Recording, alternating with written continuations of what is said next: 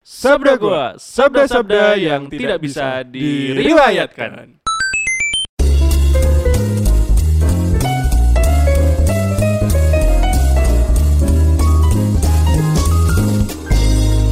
Selamat datang di podcast Sabda Gua, sabda-sabda yang tidak bisa diriwayatkan. Kembali lagi dalam Sabda Midweek Selection, khususnya wabil khusus teruntuk terutama dalam rubrik terapi session bersama your favorite boy Mahroja Hakim. Apa kabar warga gua semuanya? Semoga tetap dalam lindungan kebahagiaan ya dan juga selamat hari Selasa. Selamat Natal juga bagi yang merayakan, selamat liburan dan selamat tahun baru juga bagi warga gua semua. Jangan lupa isi bensin bagi yang liburan naik motor atau mungkin yang ya naik mobil juga bisa sih. Tapi harusnya nggak lupa gitu loh ngisi bensin. Tapi tetap saya ingatkan jangan lupa mengisi bensin.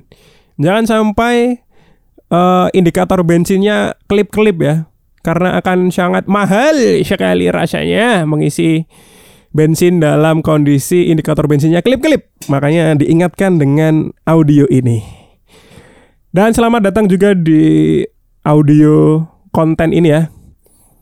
Seperti biasa Mahruja Hakim akan memandu. Waduh memandu lagi. Nggak juga sih. Akan membahas. Nah itu kata-katanya. Akan membahas tentang sesuatu yang berhubungan dengan akhir tahun ataupun awal tahun.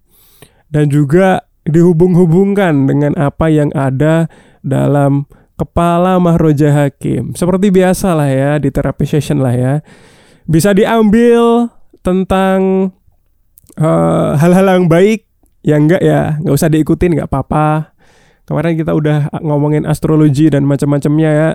Dan sekarang kita akan ngomongin apa yang berhubungan dengan tahun baru, yaitu sebuah resolusi. Tapi sebelum kita ngomongin resolusi gimana warga gua resolusi di 2022-nya apakah tercapai semua ataupun setengah tercapai ataupun sedikit pencapaiannya nggak apa-apa lah ya karena hidup banyak harus nggak apa-apanya tapi bukan berarti kita harus kalah oleh harapan-harapan yang mungkin sudah hampir mati kali ya. Nah, untuk resolusi 2023 kan berarti kan untuk tahun depan. Ini ada hal menarik yang mungkin bisa ditarik garis bukan garis, ditarik benang merahnya. Kemarin tuh aku baru searching-searching ataupun baca-baca lah ya tentang sebuah efek efek psikologis ataupun efek dalam pikiran yang namanya Dunning-Kruger effect.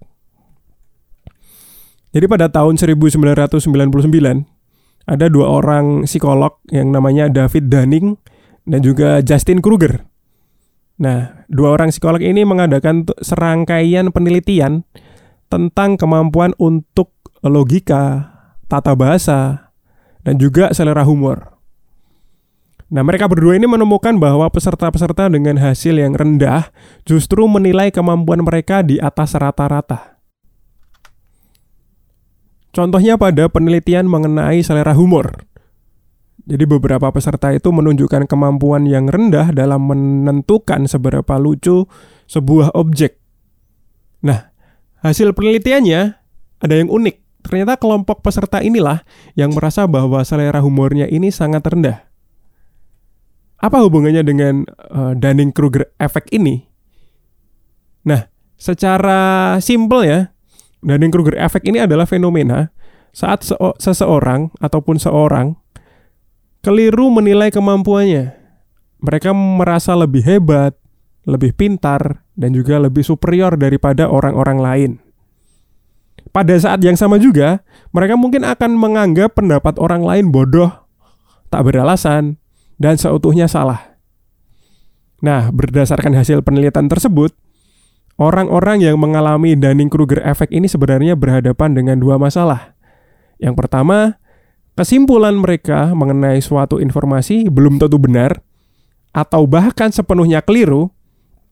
Atau yang kedua, yaitu pengetahuan yang terbatas membuat mereka tidak menyadari kekeliruan tersebut. Akibatnya, mereka tidak berinisiatif untuk mengecek ulang kebenaran ataupun fakta atas opininya sendiri atau informasi yang mereka terima. Jadi memang efek ini diambil namanya dari si peneliti sendiri yaitu si Justin Kruger dan juga David Dunning ya. Kemudian dijadiin satu yang namanya Dunning-Kruger effect yang menjelaskan ya tadi itu tentang suatu bias kognitif ketika seseorang yang tidak memiliki kemampuan mengalami superioritas ilusif. Yang berarti juga ia merasa kemampuannya lebih hebat daripada orang lain pada umumnya. Nah, bias ini diakibatkan oleh ketidakmampuan orang tersebut secara metakognitif untuk mengetahui segala kekurangannya. Nah, secara singkat, itulah penjelasan tentang Dunning-Kruger effect. Dan mungkin warga gua yang pengen tahu lebih banyak bisa browsing-browsing atau baca-baca jurnal tentang efek ini ya. Tapi yang jelas itu penjelasannya banyak banget dan juga mungkin agak belibet jadi aku mencoba untuk menyederhanakan dan ya sederhananya seperti itu. Tapi aku kasih sedikit lagi deh. Ini ada lima, ada lima ciri-ciri nih menurut uh, jurnal-jurnal yang ku baca. Uh, ciri-ciri kamu ataupun mungkin kamu bisa uh, eksplorasi orang-orang di sekitarmu yang mungkin akan mengalami atau sedang merasa bahwa dia punya Dunning-Kruger effect. Nah, ciri-cirinya ada yang satu namanya uh, merasa percaya di berlebihan. Yang kedua menganggap lebih punya kualitas di bidang keahlian daripada orang lain. Yang tiga, yang ketiga tidak bisa mengakui kehebatan orang lain.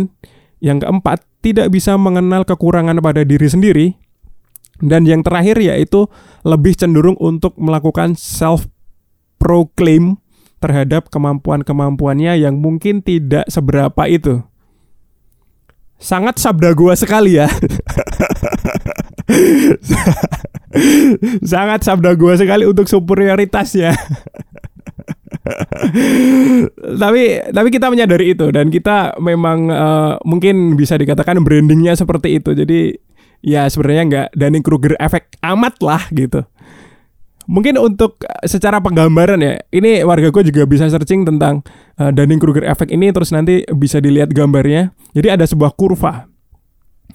Kurva untuk naik itu adalah untuk confidence ataupun kepercayaan diri.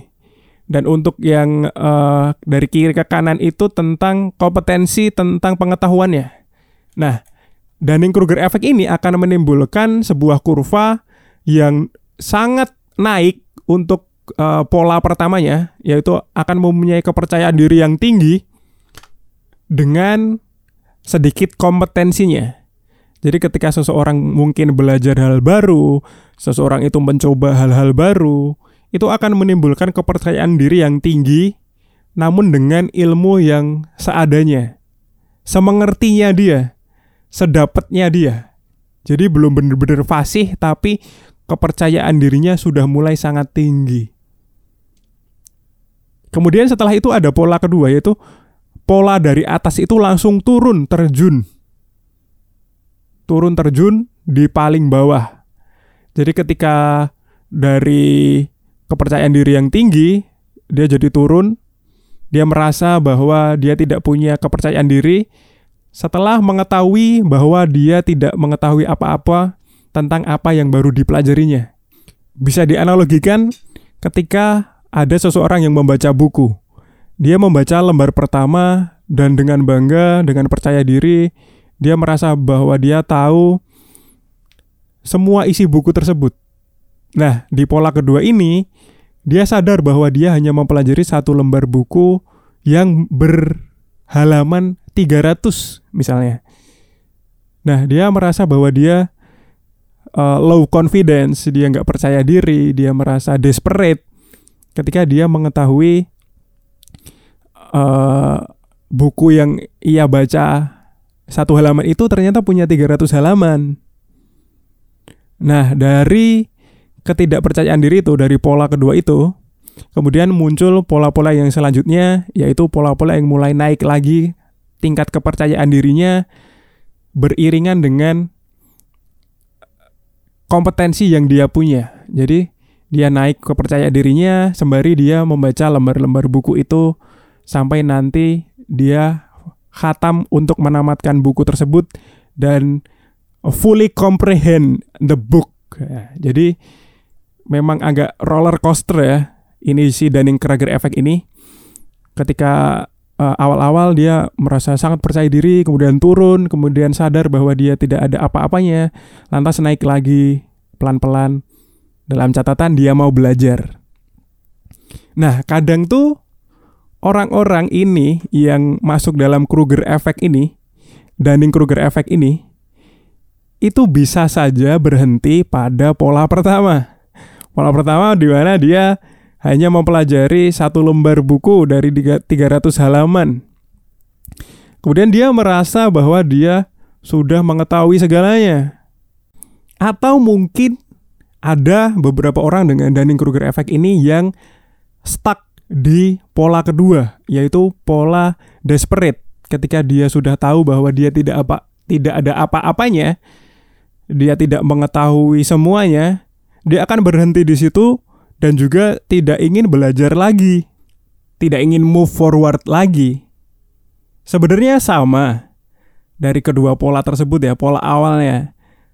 Tapi yang satu lebih nyebelin karena dia merasa semua tahu, dia merasa bahwa dia superior. Yang kedua ini lebih cenderung ke gloomy dan lebih cenderung bahwa dia ini merendahkan dirinya sendiri. Padahal ada satu kesamaan yaitu tentang mereka tidak mau untuk moving forward. Mereka tidak mau berjalan ke depan. Mereka hanya berhenti pada satu titik di mana entah dia merasa sangat superior ataupun dia merasa sangat inferior. Kita tarik lebih jauh. Apa hubungannya Dunning-Kruger effect ini dengan awal tahun baru yang penuh harap, optimisme, dan juga banyak catatan-catatan yang harus dilakukan di tahun tersebut. Dan apa juga hubungannya dengan akhir tahun yang desperate, penuh kesedihan, penuh juga penyesalan ketika resolusi-resolusi kita tidak tercapai. Tujuan-tujuan kita tidak ada yang terwujud. Mungkin itu adalah suatu pertanda bahwa kita semua berhenti di salah satu pola Dunning-Kruger effect. Iya gak sih? Ketika di awal tahun kita penuh harap, kita belajar hal-hal baru, kita punya eksplorasi terhadap hal-hal yang belum pernah kita coba sebelumnya, kita merasa bahwa wah, aku hebat ya. Aku harus begini gini gini gini nih. Padahal kita hanya menyentuh permukaannya saja, belum menyelam sampai sedalam-dalamnya. Atau mungkin kita masih terjebak pada resolusi tahun baru yang belum terlaksana, belum tercapai, banyak harapan-harapan yang harus sirna.